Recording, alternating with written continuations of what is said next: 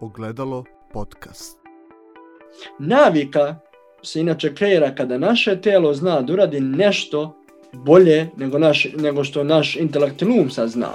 Želimo da vam se zahvalimo što slušate naš podcast.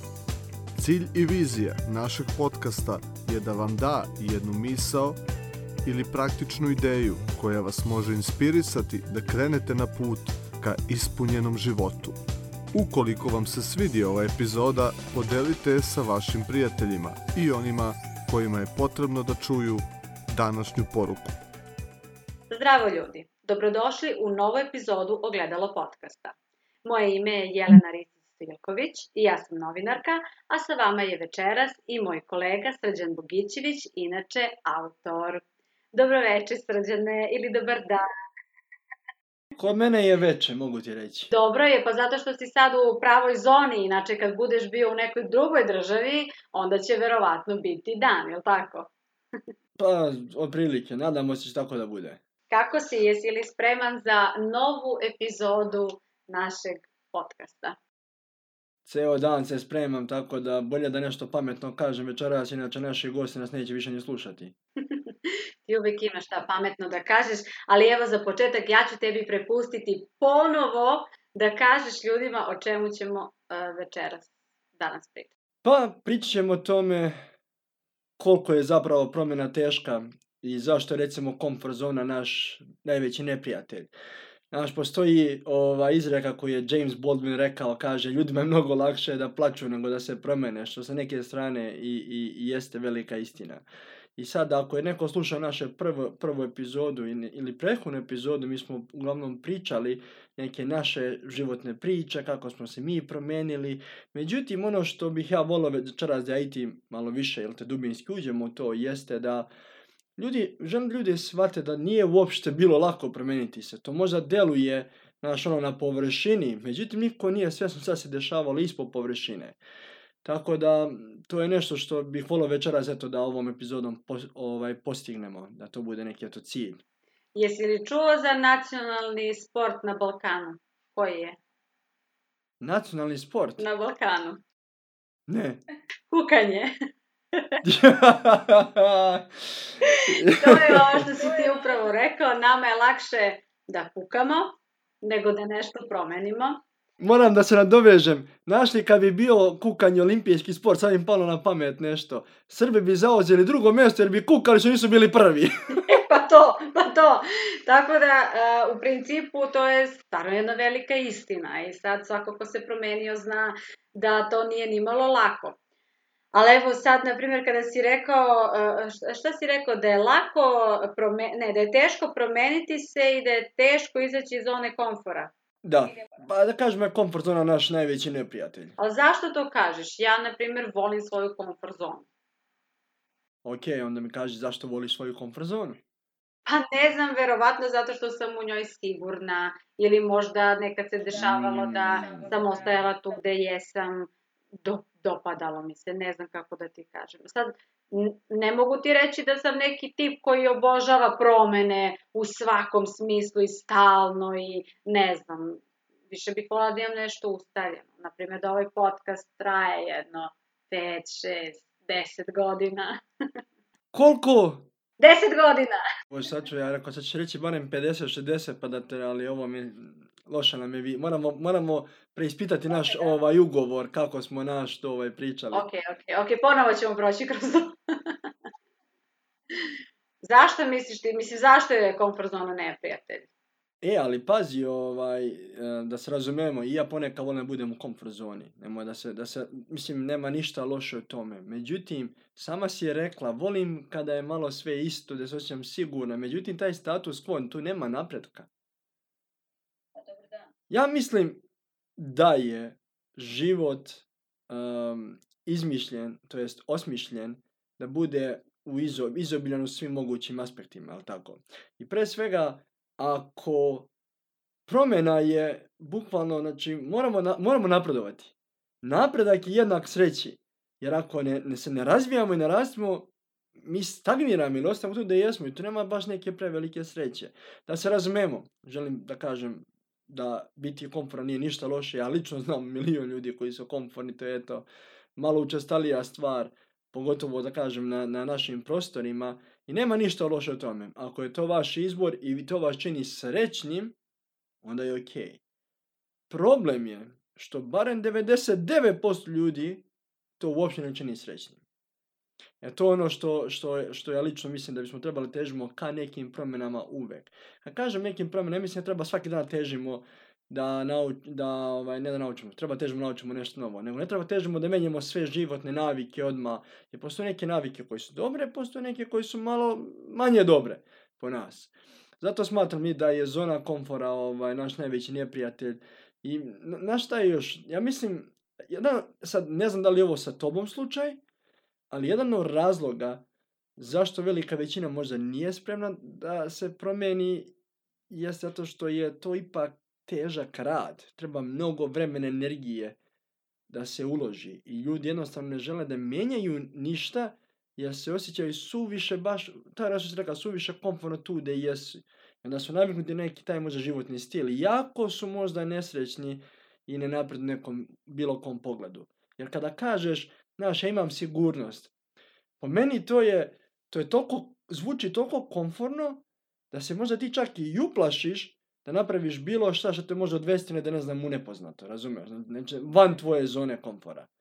Ja e sad, ja ne znam za naše gledalce, mogu evo, sad ću postavim pitanje, pa svi vi koji slušate, zapitajte se.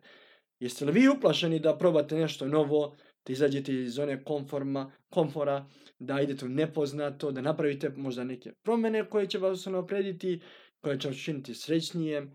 Ako je odgovor da, onda je ova epizoda 100% za vas, jer vam možemo dati neke praktične alate koje vam mogu pomoći da to napravite neke početne korake. Sam mi kaži, ovaj, da, li, da li misliš da je zaista pametno, kažem, biti u, toj sigurnoj zoni? Znaš šta, evo, e, sad ću samo napomenuti svim našim slušalcima ili ti gledalcima da mogu da ostave komentare, da ćemo sređeni ja sve pročitati i da ćemo te teme kasnije obrađivati. Naravno, imat ćemo mi uključenja gde ćemo moći da odgovorimo na pitanja. kad sam ti rekla da volim svoju komfort zonu, e, zapravo nisam ti rekla pravu istinu. Ja volim ovu komfort zonu koju, koju sam sada stvorila. Tačnije da radim posao od kuće, da ne moram da ustajem u šest ujutru, da ne moram da budem nervozna, neispavana, da imam vremena za sebe, da imam vremena za prijatelje. Kažem, E, mislila sam na tu komfort zonu. Inače, e, kada sam se osjećala loše, e, opet mi je teško bilo da krenem u promenu sređene. Stvarno mi je bilo teško. Mislim, ljudi kada, mi valjda imamo taj neki problem što ti kažeš, mi kad rešimo da promenimo sve, sve menjamo. Idemo, od početka, ustajem u šest, meditiram 15 minuta, pijem 2 litra vode, hranim se zdravo, ne jedem slatko, idem da trčim. Mislim, totalno čini mi se pogrešno. I ja sam bila u tome, zato i pričam, dok nisam sama sa sobom korak po korak, ali, na primjer, sada izuzetno volim svoju zonu komfora. Možda to opet nije dobro. Ne, ne bi, pre svega mislim da je to pogrešan stav u smislu načina razmišljanja. Ne treba reći, opet kaže, nije ništa loše, nema ništa loše zone komfora. Ali volim što si rekla, sada sam ok gdje sam. A sada sam ja, ok, gdje sam, mislim, evo me u Egiptu, u Dahabu, danas sam išao na plažu, ronio, vidio prelepe ribe dole, mislim, imaju korali, e, pa i meni je sad lepo da se razumemo. Ali, ovaj, ono što hoću... Pa naravno, pa, ali pazi, evo, mislim, bio sam šest mjeseci u Kostarice, ne hvalim se, ali hoću kažem, sam stvorio taj život i sebi omogućio sa neke strane upravo što sam prethodnih godina bio totalno nekomporan. Jer znaš šta je fazon? kada, ah, kada se naviknemo da radimo ono što smo od uvijek radili, mi na neki način, da kažem, postajemo ono top u tome. Znači, ako recimo ljudi rade na nekim poslovima, koji pritom ne vole, oni postaju majstori tog posla, jer su godinama tu i usavršili su tu neku profesiju, da kažem, razumiješ? I sad, po mojoj nekoj filozofiji, ako uvek radite ono što ste od uvek radili, uvijek ćete biti tu gdje ste od bili. Što znači da ćete ostati večno zagledni tu gdje jeste. E sad, ti opet, nas dvoje će malo izbaciti iz ovoga, zbog svrhe našeg, našeg gostiju, tačnije slušala, slušalaca, jer opet kažem, mi smo možda došli na sad neku tačku gdje smo komforni. Međutim, i nama sve lako može sve promijeniti, sutra ćemo biti neko drugoj možda. Znači, sve život se uvijek mijenja. Ali ono što hoću da kažem jeste da za sve vas koji slušate, ukoliko je nekim slučajem vaš posao glavni izvor vašeg stresa, a pritom ste uplašeni da ostavite taj posao zbog plaćena računa, treba prehraniti djecu, šta ti ja znam, veoma su male šanse da ćete uraditi bilo šta osim onoga zašto se kažem plaćeni većina nas će reći što bih radio nešto što nisam plaćen. većina, 99% to govori, da, da. Uglavnom, da, jer onda neće niko probati naš da puca na visoko, jer zašto bi to uopšte radili? A čak i ako probaju da pucaju na visoko, teško će se promijeniti jer nisu promijenili um. A rekli smo u prošloj epizodi da bi promijenili bilo šta u našem životu moramo krenuti da menjamo svoje programa i svoj um. I zato opet kažem, znaš, nije, nije lako promeniti se. Treba mijenjati um. To je stvarno, mislim, u teoriji zvuče lako, ali u praksi malo teže. Znaš na što mislim?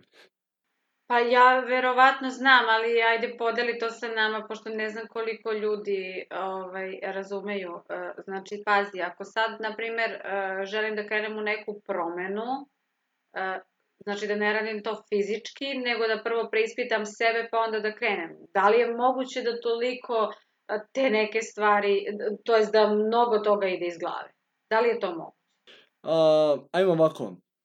Sve ide, počinje iz glave. Kada kažemo um, ja volim ponekad da pod umom smatram i, i, i fizički moza, da kažem, i telo.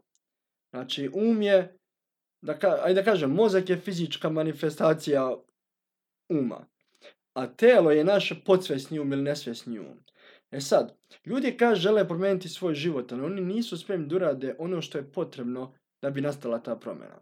Znači, oni ne razumeju da se ništa neće promijeniti ako ne promijene te posvesne programe. Ajde da kažem to ovako. U današnjem svijetu, sad, ovo pričam više za Severnu Ameriku, pošto sam više pristan, Video sam to, za Srbiju ćeš me ti ovaj, možda eventualno ispraviti, ali barem u ono što znam za Kanadi, većina ljudi čim otvori oči ujutro. Prva stvar, šta više i ja sam bio takav, više nisam, reći kasnije zašto.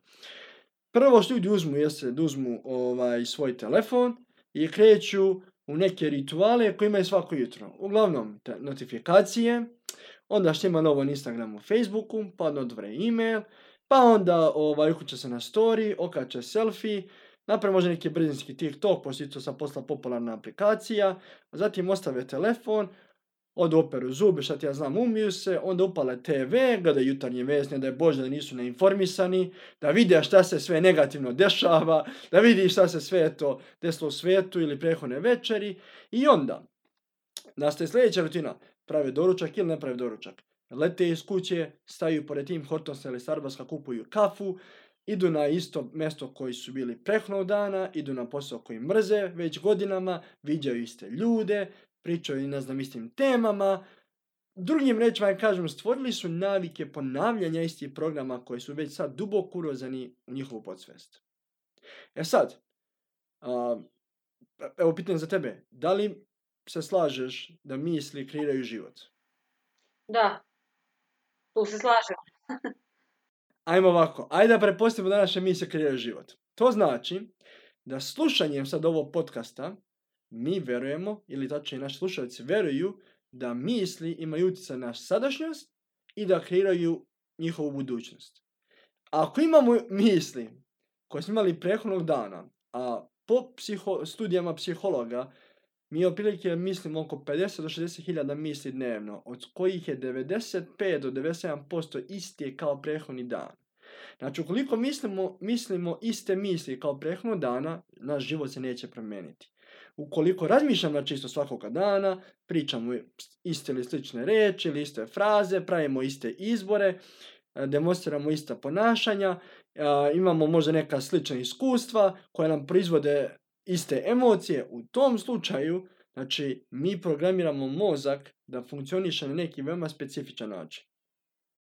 Odmah ću da te prekinem. Pogledaj sad.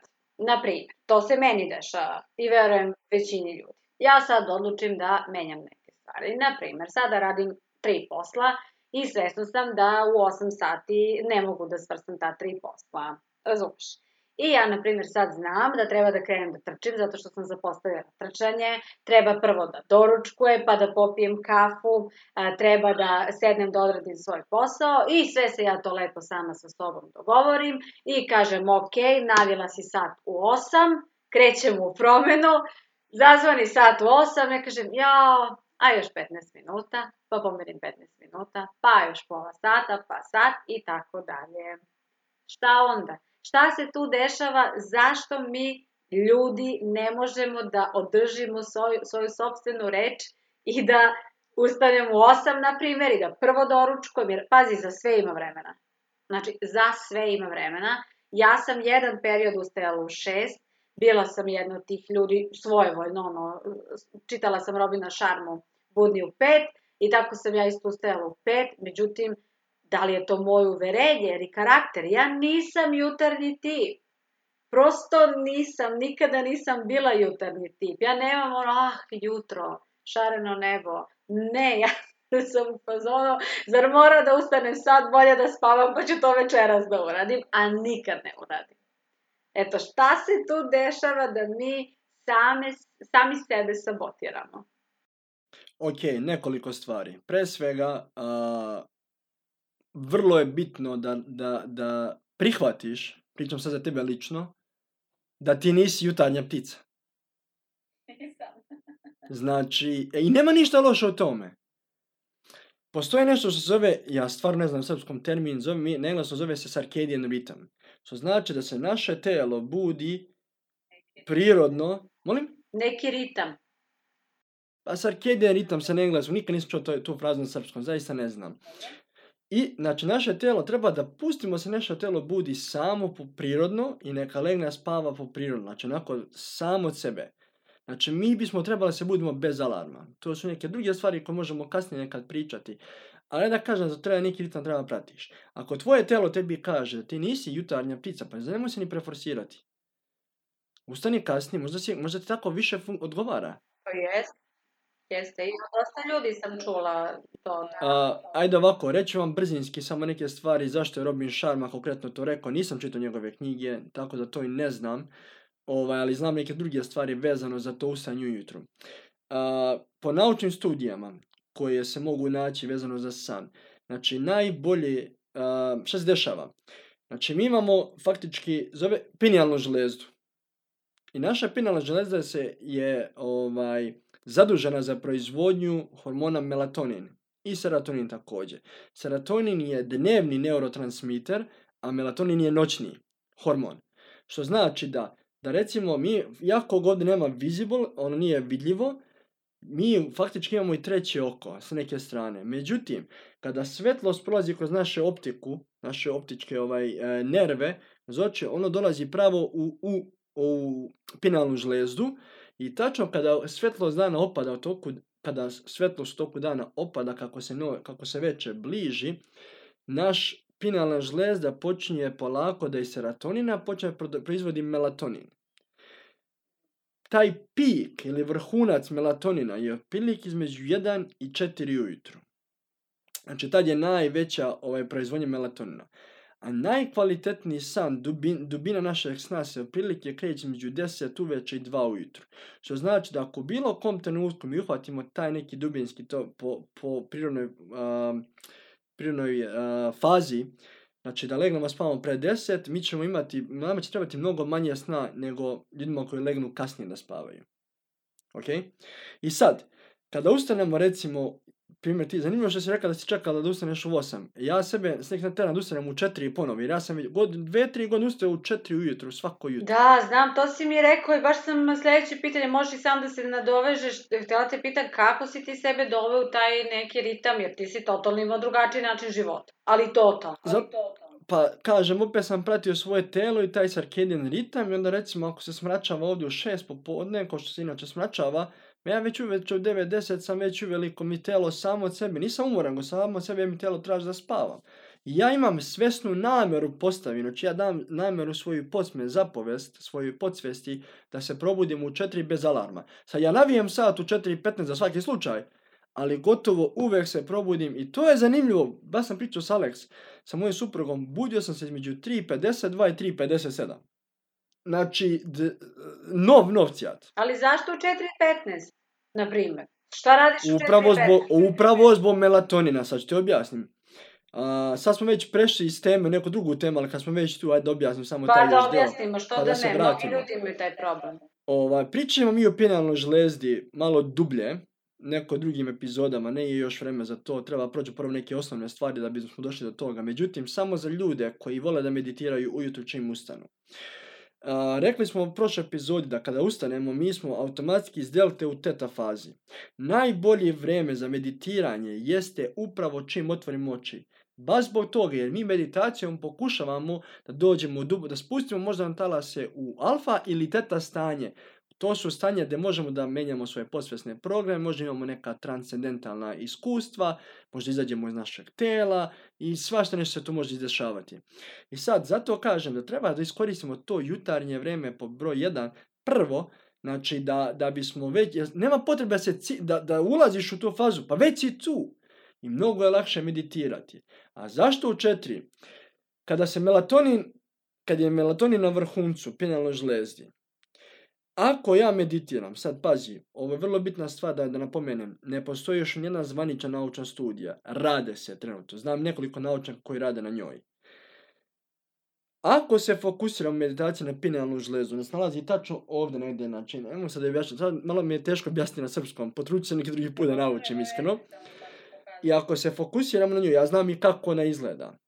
I kroz meditaciju vizualizujemo da se ona polako kao električ, i sad postoji tehnika disanja koja nam pomera energiju iz prva tri energetska centra, prve tri čakre u sedmu čakru na mozak, da bismo aktivirali penalnu železu ili to treće oko što volimo zovemo. I kada meditiramo fokusirano na to, postoji mogućnost, meni se recimo desilo jednom ili dva puta šta više, da, da taj melatonin se proizvede, tačnije sad ne znam kako zvanično ide taj hemijski proces, ovaj, stvarno sam zaboravio, moram je počitam ponovo, ali uglavnom, da kažem laički rečeno, se pretvara u DMT ili metal triptonite, koja je najmoćnija psihodelična substanca koja te stavlja u izmenjeno stanje svesti. I to su najveće stanje svesti gdje možeš da promijeni svoje programe, gdje si jako sugestiv iz informaciju, možeš imati neka transcendentalna iskustva i, i svašta nešto se može desiti. Tako da... Uz meditaciju. I eto, drugo pitanje je vezano za promjenu ono što sam te pitala, zašto mi odlučimo da se promenimo i onda to ne možemo da stavimo u pogon? E sad, da se, da se vratimo sad vama na, na ovu vama temu. ako se sjeća, znači, ako sjeća, mislim, malo pre smo pričali, ovaj, jedan od glavnih razloga, na primjer, zašto ne možeš se probudiš na vrijeme koje se rekla da trči, zato što nemaš bukvalno jasnu viziju šta tačno želiš od toga. Mhm. I zbog toga E, opet smo rekli, znači naše telo je ekstenzija našeg uma. Telo je bukvalno naš podsvesni um. Naša volja mora bude mnogo jača od naše tela. I naše telo je već naviknuto na te programe koji su inače podsvesni. naš telo je stvari podsvesni um. I onda ti imaš volju, ti kažeš, da nas prestajem da pušim, nas krećem da jedem zdravo, da trčim, da vežbam, mhm. da učim na sebi, da se da čitam šta god. I ti ćeš krenuti, međutim telo jače od duma jer je podsvjesno, ona, ona, ona osjeća nekomfortno, onda će ti reći one misli da si danas počeo da čitaš, nisi čitao zadnjih 20 godina, sad si odlučio, kaj ide sutra. Ajde, sutra. Da, da, I sad, ti mora imaš vrlo jasnu viziju zašto to radiš, jer ako nemaš jasnu viziju, ako ustaneš ujutro, prvo ćeš razmišljati o eventualno svojim problemima, zatim ćeš razmišljati bukvalno o sadašnjosti kroz prizmu prošlosti. A prizma prošlosti kaže, pa nisam trčala zadnjih tri godine, sad ću trčim tako? I dokle god razmišljaš kroz prizmu prošlosti, vaša, to jest tvoja prošlost će uvijek biti tvoja budućnost. Jer to što osjećate, to jesmo. I što jaču emociju osjećamo kada razmišljamo kroz prizmu znači naše prošlosti, naša prošlost, prošlost će konstantno biti naša trenutna realnost. A to znači da je naša podsvest ili naše telo programirano da živi u prošlosti. Drugim rečima, tvoje telo ti ne dozvoljava da trčiš jer, jer, je naviknuto na taj neki ciklus, isti, ciklus istog razmišljanja. Kao prehodno dana, kao prehodne semice, kao prehodno mjeseca, kao prethodnih godina. I da bi promijenila to, ti moraš biti veća od svog tela. Hvala što nas slušate i nadamo se da uživate u današnjoj epizodi.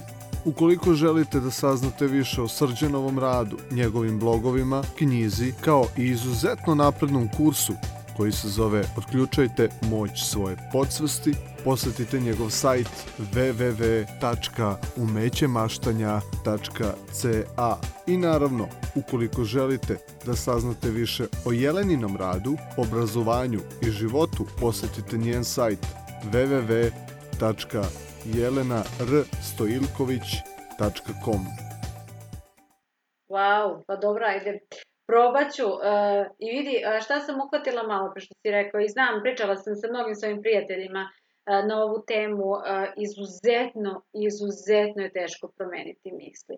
Da li možda imaš neku metodu kako stopirati sebe, da prestanemo da u svojoj glavi stalno vrtimo film prošlosti koji nas, na primjer, koji nam ne odgovara i da na taj način kreiramo opet neke nove situacije. Složit ćeš to rade ljudi na poslu, to rade ljudi sa svojom porodicom ili ono, ona rečenica, pa rekao sam ti da će tako biti.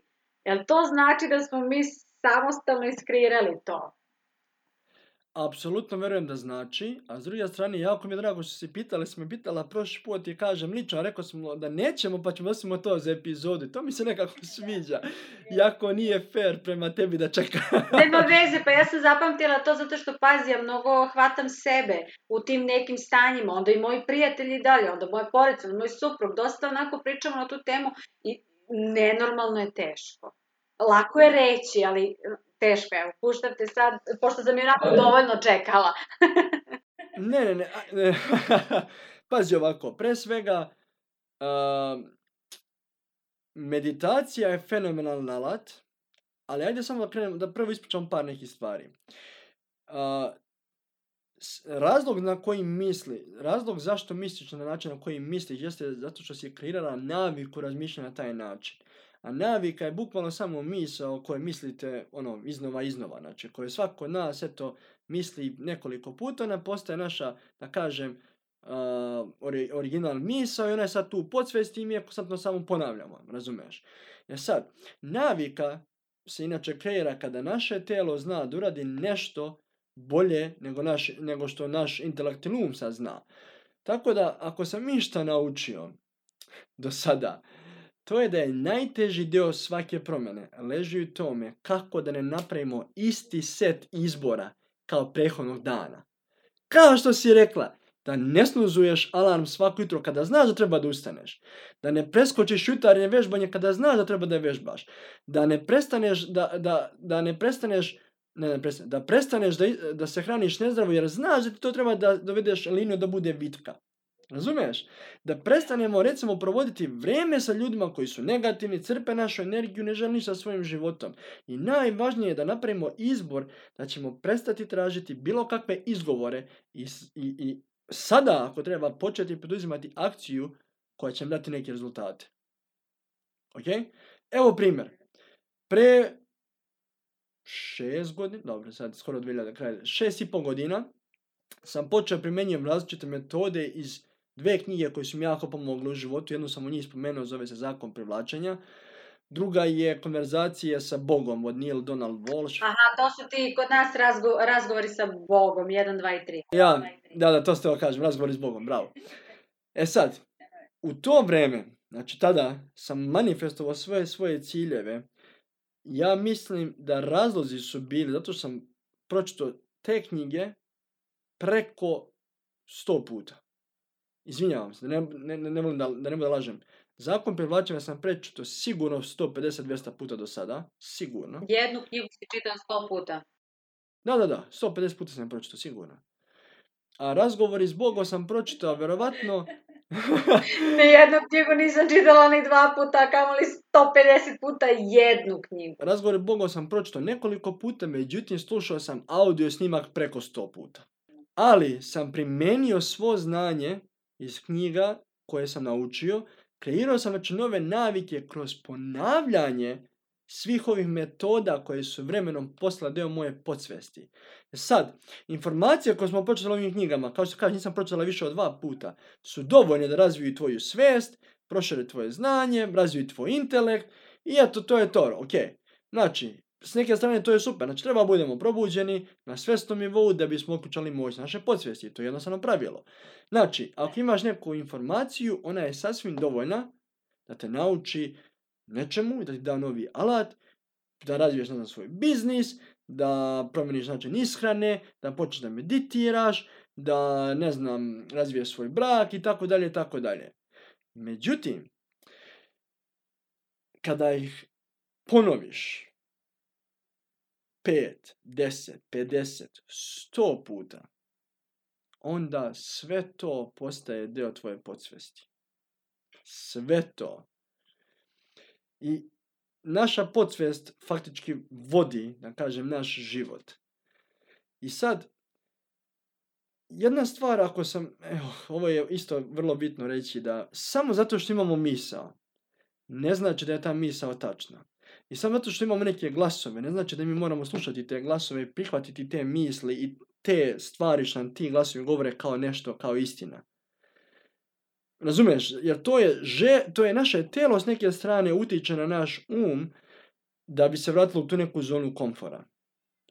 I mhm. sad, kada primeniš svo to znanje, koje sam ja inače pročitao tada, normalno će kao posljedica biti manifestacija tih snova.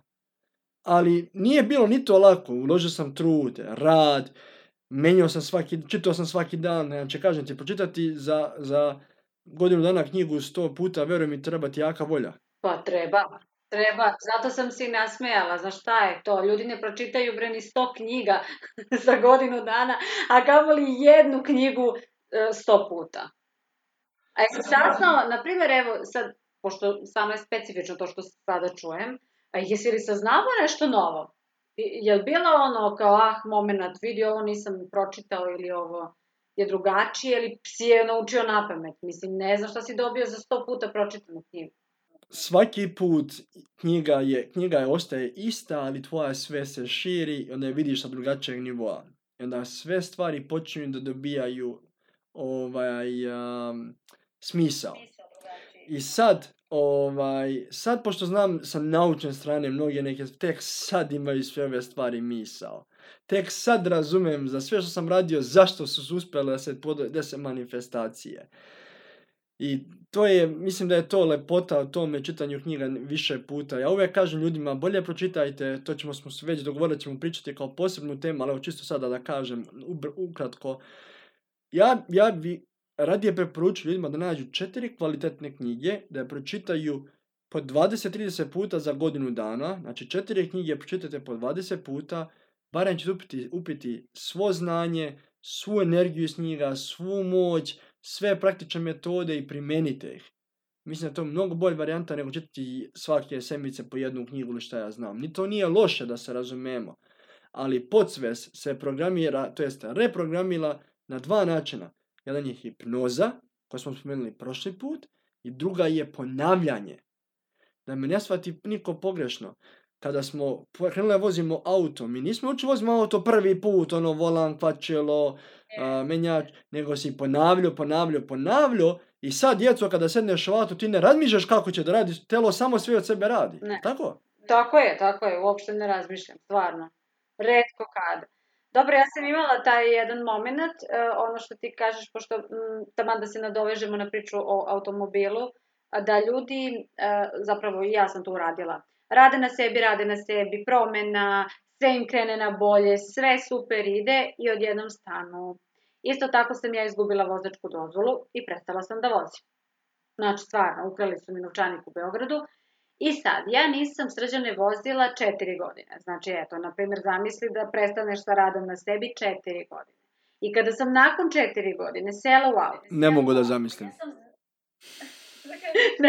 ne, mogu da zamislim da prestam da radim na sebi četiri godine. Uopšte, samo, samo dajem analogiju. I ja sam sela u auto. Ja znam šta treba da radim. Stvarno znam. Ali tu, tu postoji strah tu postoji, e, kao da sam prvi put sela u auto, možeš da veraš, pa onako pogledam, jao, pa dek kočnica, pa dek pačilo, pa pazi, vozim sve vrste automobila, i automatik, i mehaniku, i sve, sve, sve, sve, i poluautomatik, u stvari manual, i poluautomatik, prosto, kad sam sela, bilo je kao, jao, čoveče. Tako se izgleda dešava i sa ovim što pričamo sa promenama. Kad prestanemo sa radom na sebi i kad ponovo krenemo u sve to, opet moramo da budemo spremni korak po korak. Mora da se vratiš na trening. Znaš, mora da se vratiš na trening. Ja sam, ja sam, kad kažem trening, kažem, tre, po treningu smatram... Zvuča si kao moj suprot, ja se te vidim zašto, kako to veze ima. Pošto me on svaki drugi dan govori, moraš da se vratiš na trening, moraš da novi muž sportista, moraš da se vrati, rukometaš kao i ti, by the way. Da, Opa! Da. I, ove, ovaj, I kaže, moraš da se vratiš. I sad kad si tako rekao, moraš da se vratiš na trening, treba sam da pitam kakve veze ovo ima s tim. ne, ne, ne, kad sam teo kaže da se vratiš na trening, mislio sam, na primjer, to isto kada sam ja počeo igram rukomet u Kanadi, znači nakon 8 godina mislio sam da dalje skačem metar i povis, imam zadršku, imam pračku, gađe me u 90, Došao prvi šut, ode lopta šest metara iznad gola. šta bi ovo, Bog, te nije mi jasno. Ali nakon par mjeseci, talent je tu, znanje je tu, međutim rutina je morala da se malo opet istrenira. Tako trebamo vreme da se to vrati na svoje. Koliko to trajati zavisi od osobe do osobe. Znaš. Ali e, konkretno, samo ti kažem, pošto si opet spomenula si malo pre ovaj, za smršanje, pa eto nekako se vraćam, da se vratim. Ovaj, ukoliko želi da smršaš, pa želim, znači, mora, znam, znači moraš kreirati neke nove uslove kao i okruženje koje će ti pomoći da ostvariš ciljeve koji si naumila za mršavljanje. Znači, postojanje nove jece zahtjeva promjenu na biološkom, neurološkom i hormonskom nivou. Znači, da bi krila svoju novu budućnost, odlazak u nepoznato ti je idealno mjesto, što znači vrati se na trening. Dobro, to je poznato, samo ja ga sad gledam kao neposlednje. Da, stvarno želim, to ti navodim kao primjer, zato što znam mnogi ljude koji su sada zbog cijela ove epidemije i svega ostalog i psihički i fizički malo otišli tamo gde ne žele i prosto zašto da ne, znam da će naši slušalci postaviti ta pitanja, to je sve vezano za promenu, složit ćeš to su sve promene, možda su male, ali su izuzetno bitne i očigledno sve nose istu poruku, a to je e, rutina, ponavljanje i ja bih rekla doslednost, ako se slažeš. A, doslednost i istrajnost. Pazi, ako, mogu da se nadovežem na, to što si rekla, ovaj, na, na postoji, ajde da kažem, ovo nije moj govor, ali sam ga čuo pre 5-6 godina. I sad, ovaj, teo bih da ga, pošto ga znam napamet, slušao sam ga milion puta, pa ću ga reći vezano za promjene. Znači, ovo nije moj govor, nisu moje reči, da se razumemo. da vam pravo kažem, ne znam čak ni koji je originalni autor ovih reči. Ne svih, neki delovi jesu moje reči, ali uglavnom oko 60% nije ovoga što ću reći, čisto da znamo, jer ne želim da uzimam kredit nečega što nije moje. Svaki put kad uradimo nešto što nikada pre nismo radili, mi ćemo se uvek osjećati nekomforno ili neudom na početku. Znači, jedno, ali jedna od najvećih ironija u životu je da svaki put kada želimo da se osjećamo komforno tu gdje smo, život, univerzum, Bog, kako god hoćete nazovite tu energiju, će nam slati sve više i više prepreka Znači bacat će kamenje na nas, slaće nam oluje, imat ćemo neke otpore, naići opozicija, imat ćemo probleme. Jer je naš fokus ka tome da više budemo komforni, umjesto da naučimo kako da rastemo, i da se razvijamo, idemo preko naše granice limita. Jer mi nismo došli na ovu planetu da eto budemo čisto tu naš. Znači samo živimo život i umremo i čao ono, čao jeto, čao srđo. Mi smo ovdje da učimo ili da kažem bolje da se prisetimo ko smo mi u stvari. Znači mi smo ovdje da rastemo svakoga dana. Da dostignemo visine za koje smo mislili nikada nećemo dostići. Da uradimo nezamislivo. Da probijemo granice nemoguće. A koliko želimo izbjegnemo neugodne situacije, veruj mi da će se život potruditi da nas natera da izađemo iz zone komfora kako god okreneš. I to je ono što ljudima kažem. Ili ćemo sebe natjerati na konstantan rast, razvoj, širenje svijesti, reprogramiranje podsvesti i stavljanje sebe izvan zone komfora, ili ćemo ostati u zoni komfora i suočiti se sa izazovima i problema koji dolaze uz to. Znači, ili ćemo se potruditi da budemo uzrok našeg života ili posljedica našeg života. Ili ćemo da uradimo nešto ili ćemo okukamo. Mi nećemo da kukamo, zato i pričamo ovde na te teme, zato imamo naše slušalce i ovom pričom svojom si taman lepo zatvorio i završio ovu epizodu. Ono što ja želim od tebe je dodaj, ali bih volila da nam otkriješ odmah šta nas čeka u narednoj epizodi, jer mislim da je to ono što će sve naše gledalce i slušalce zanimati.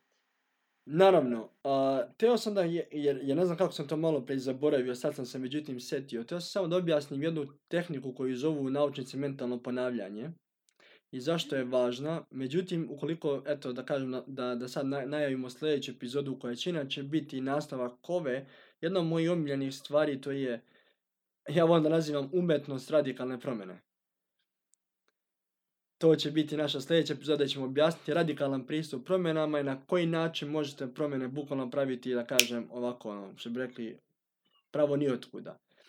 Ali samo ako se jaco slažeš da, da samo objasnimo mentalno ponavljanje, ja mislim da je veoma dobra tehnika i vrlo bitna za, za, za, za ovu temu inače.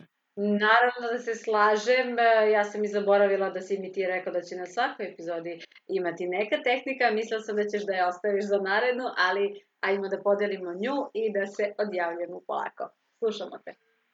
Pa ovako, e, znači, jedna od najpraktičnijih stvari koje možemo urati da se promenimo. jeste da malo demonstriramo neku određenu čeličnu volju i da ne čekamo da nam misa, nego da se pokrenemo automatski, da pokrenemo naše telo. E sad, pitanje koje svako od nas mora postaviti jeste koje ponašanje želimo da demonstriramo u našem životu koje će da podrži znači, naše promjene kao i ciljeve kojima, kojima težimo.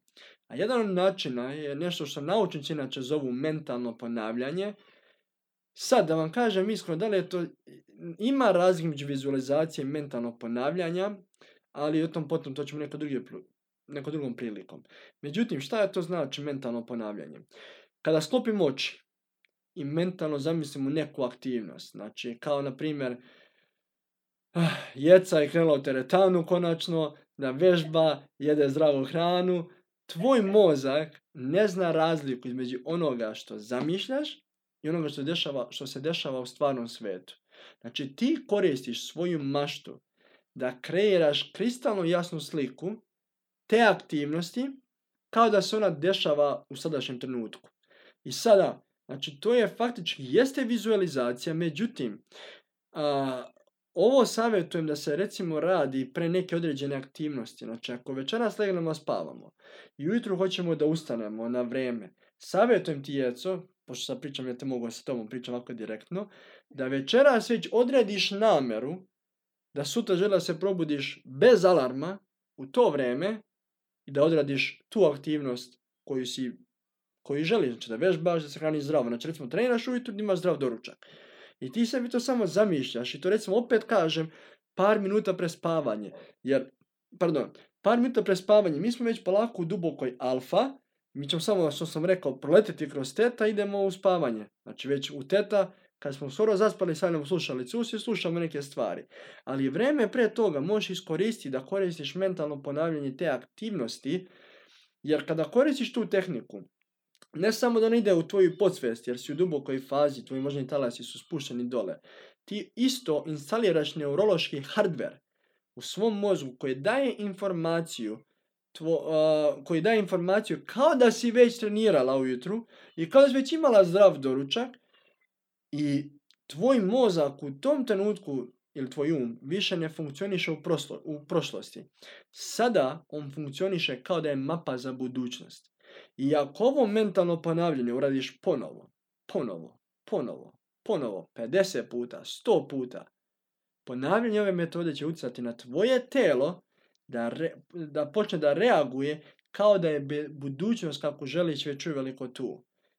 Što znači da hardware tada postaje software i onda za par dana ili možda uskoro, kada se pogledaš u ogledalo, vidjet ćeš da si izlaš tačno onako kako želiš. I to je to. Samo još jedna stvar, da ne zaboravim. Vrlo bitno je reći, napomenuti da probamo da probudimo emociju kada zamišljamo tu, tu aktivnost. Jer promjena osjećanja je faktički promjena sudbine. I onda ja volim da kažem uvek, ne dobijaš u životu ono što želiš, već ono što osjećaš. Tako da, naša osjećanja kroje našu sudbinu i ukoliko osjećanje onoga što želimo istraje, dok to ne postane, da kažem, dominantna sila u našem srcu i našem umu, onda znate da je ostvarenje onoga što želimo bukvalno neizbežno. A osjećanja su esencijalno u naših uvjerenja, kreiranja života i snova, stvaranje novih nauka i tako dalje i tako dalje. Eto, to sam htio da kažem. Probat ću, probat ću. Hvala mnogo. Baš e, sviđa mi se što eto, e, nam daješ sve te metode i tehnike koje čine čini mi se nisu teške, jednostavne su, ali ajde, ovaj, možemo da probamo, naravno ja ću ovo primeniti za sebe što se tiče fizičkog izgleda, ali ovo ljudi mogu primeniti na sve drugo, je tako? Imam pitanje za tebe, tačno, jel imam pitanje za tebe za kraj vezano za sve ovo. Ajde. Umalo da ga zaboravim, sjećam sam se podsjetio, ja sam pogledao, sad imam note, notes ovaj, sa strane šta treba da te pitam. Koji ti je najveći strah u životu? najveći strah? Pa... ne znam. Mm, ja se, na primjer, plašim visine, ali verujem da me ne pitaš za to. A, pa, Mislim da imam najveći strah da izgubim svoje voljene, ako je to normalno. I u principu mislim da mi je to, jer to su na primjer neke misli o kojima ja nikad ne mislim. Mislim da ću tu biti najnespremnija. Ne znam da li si to htio da me pitaš, baš si me zbunio. jesam i ovaj, dobro se rekla zato što mnogi od nas imaju slične strahove. I raz zašto pitam je zato što treba napraviti promjene upravo prebrojimo te strahove. I zato vam vjerujem da je pravljenje promjena izuzetno neophodno i veoma važno za naš kako lični razvoj, tako i razvoj naše duše, naše srca i tako dalje. Jer ako smo danas u svađi sa našim najbližima, život pre ili kasnije ljudi moraju shvatiti mi ćemo svi otići s ove planete. Stvarno nema pojente, svađate se, raspravljate se. Jako ponekad se desi svima nama, vrlo je bitno se što pre vratimo nazad, jer danas jedno postoji, i sutra već nije zagarantovano. Tako da, promjene koje ne možemo napraviti u tom nekom smislu jesu da ljudima često govorimo koliko ih volimo, na čemu smo zahvalni, da providimo kvalitetno vreme, da ne buljimo u telefon dok smo sa njima, i tako dalje, tako dalje. Da ih zagrlimo, da ih zagrlimo. Mislim da se mnogo malo grlimo sada. I uopšte i roditelji sa decom i ovako prijatelji, partneri. To je, eto vidiš, to su male, a, besplatne, a važne promene. Važne promene. moj jedini strah je rečenica koja kaže dok sam shvatio šta je život i o čemu se ovdje radi, došlo vrijeme da idem odavde. Znači, ne želim dođem na kraj života, ležem u samotnom poslije, da tek onda kažem, e sad tek vidim šta je život. I zato sam spreman da uradim sve ono što je potrebno, napravim promjene, ma koliko god teške bile. I to savjetujem svima, nemojte čekati posljednji dan svog života da kažete tek sad vidim na što je se život svodio. Život je mnogo veći od plaćanja računa, o stresa na poslu, o svađi sa partnerom, o preživljavanju, život je mnogo veći od toga. Iako vaša trenutna realnost vam možda ne govori to, morate shvatiti da vaša trenutna realnost je samo to. Trenutna realnost i ništa više. Zato krenite već danas putem promjena. Ukoliko vam treba neka možda druga pomoć ili veća, kontaktirajte mene ili Jecu privatno. Možemo vam pomoći više od podcasta. Ovo je, mislim, imamo limitirano vrijeme ovdje da bismo državali određeno vrijeme za ovaj podcast i ovu epizodu uopšteno. Ali mi vam možemo pomoći na to, to drugačiji neki način. Da se razumijemo, mi ništa ne štedimo, dobit ćete znanje, ne morate uopće nas zove, dobit ćete znanje novo besplatno sve u budućim epizodama. Ali opet kažem da ima nekoga ko, će, je tu za vas i da vam pomogne na putu ka promjenama. Jer smo oboje prošli i situ i rešeto, što naše braće Srbola kažu, naročito rešeto. Tako da, ovaj, eto, to je sve što sam htio da, da kažem, Najbitnije je da slušate sljedeću epizodu. Izuzetno je bitna. Jeste, e, baš se radi o promjenama i o načinu kako da pristupite promjeni i kako da pomognete svom životu. A naravno, pišete komentarišite i mi smo tu da odgovorimo na sva pitanja. Srđe, odjavljujemo se, To je to. Svako dobro, drugari. Ukoliko vam se svidala ova emisija, podelite je sa vašim prijateljima na socijalnim mrežama, lajkujte i zapratite nas. U svakom trenutku možete nam pisati na emisija.ogledalo.online i mi ćemo vam odgovoriti na svako vaše pitanje, jer nam je stalo do vas. Slušajte nas i dalje, Ogledalo podcast.